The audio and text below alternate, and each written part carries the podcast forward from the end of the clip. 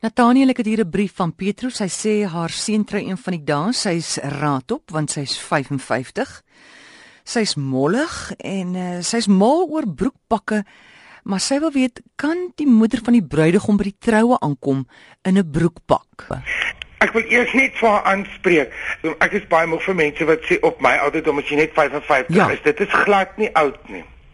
85 kan jy begin dink om nie meer met 'n bikini by 'n troue aan te kom nie, maar jy moenie self in jou dink as 55 wat moet ek op my ouderdom nie. Jy alwaar jy moet dink is jou posisie as ma van die bruidegom. So wat baie snaaks vir my hierso hulle wil nie vir my kwaad trek nie, maar volgens die jarelange etiket by 'n troue vir gaste en bruidsmoeder of bruids bruidegomsmoeder is daar drie kleure wat jy van wegbly: swart, wit en rooi. Dit is ongelukkig hierdie troue se tema. So ek dink sy moet by die huis bly vir julle aand agter 'n pot plant sit. Maar swart dra jy nie by 'n troue nie. Deesdae as dit baie elegant is en seksie kan jy, solank dit nie formeel swart is nie, want dit is iets wat jy by 'n begrafnis dra. As jy besonder dik is, glip 'n bietjie swart in wanneer dit help met die heupe.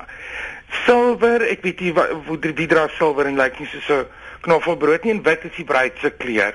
Alhoewel ek nie weet of van watter bruid in die 21ste eeu nog werd is om wit te dra nie want het mos nou almal 'n glips.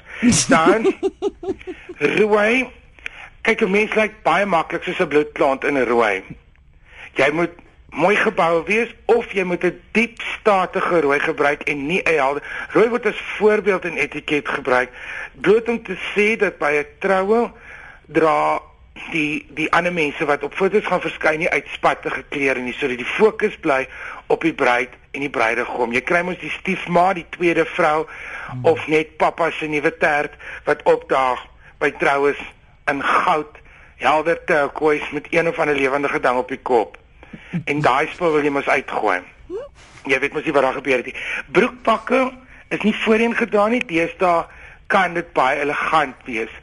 Die broekpak moet nou net nie deur jou vriendin twee strate verder gemaak word van gordynvoering nie.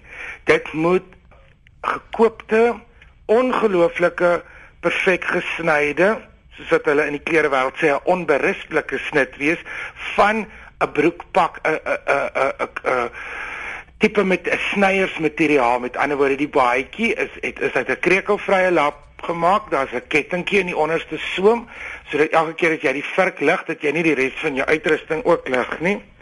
Die broekpak moet ook goed sit. Daar's baie vrouens wat te veel broekpakke dra en as hulle 'n halfuur gekuier het, dan hang 'n blouse agteruit en voor die broekpak met elke knoop al begin 'n vou maak want daar's jy weet so. Dit moet baie baie goed gesny wees. Dan is daar niks verkeerd met 'n broekpak by 'n troue nie. Dit is baie keer beter as die satijn of taffeta ontploffing wat instap met 'n borsryker en dan wil jy moet sê hallo mamma. So dit dit is 'n bietjie ook met goeie smaak. Die etiket by so troue is is dat albei die maas op 'n stadium eers praat met die bruid. Hierdie is nou die wet van troues. Dit werk in in die hmm. ou etiket werk dit so die bruid sal met die twee moeders praat oor die uitrustings en kyk, hulle hoef nie volgens die tema aan te trek nie, anders lyk jy soos 'n baie ou blomme meisie. Maar net iets wat nie aanstoot gee nie. Volgens gebruik sal die bruidsmoeder eers haar uitrusting koop en dan kontak maak met die ma van die bruidegom. Dit hoef nie alles meer so streng te wees nie, maar as jy weet jy trek mooi aan, jy embarrass nie jou kind nie, jy pas mooi op die fotos, jy self kan lekker kuier die aand en jy gebruik nie na jou tweede glas wyn nie aand om vir jou nuwe boyfriend te kry nie, dan het jy al die stryd gewen.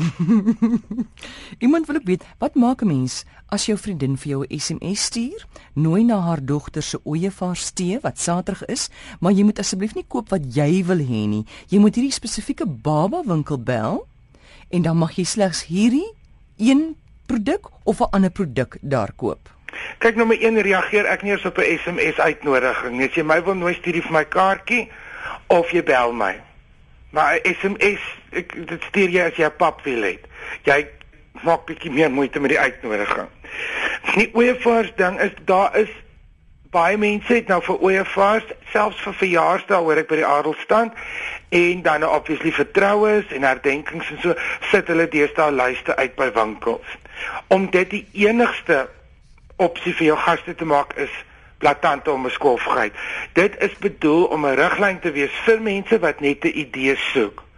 Ek sal uit beginsel uit nie iets op 'n lysie koop nie. Die woord geskenk beteken is iets waarmee ek jou verras, waarmee ek jou wil bly maak. Ek weet jy wil nie met 28 toasters sit nie, maar ek gaan nie vir my laat voorskryf met 'n kat of 'n geskenk van duisende rande as ek nie Pietpa is of jou pa of met jou getroud nie. Dis 'n ander ding as iemand bel en goeie vriende doen dit en sê ek wil graag vir jou iets koop wat jy kan gebruik. Sê vir my wat het jy nodig? En of ek is die Pietpa of ek is jou familie, ek wil graag baie geld spandeer of so. Dis 'n verskil, maar hierdie mense wat net glo jy moet aftik op 'n lysie.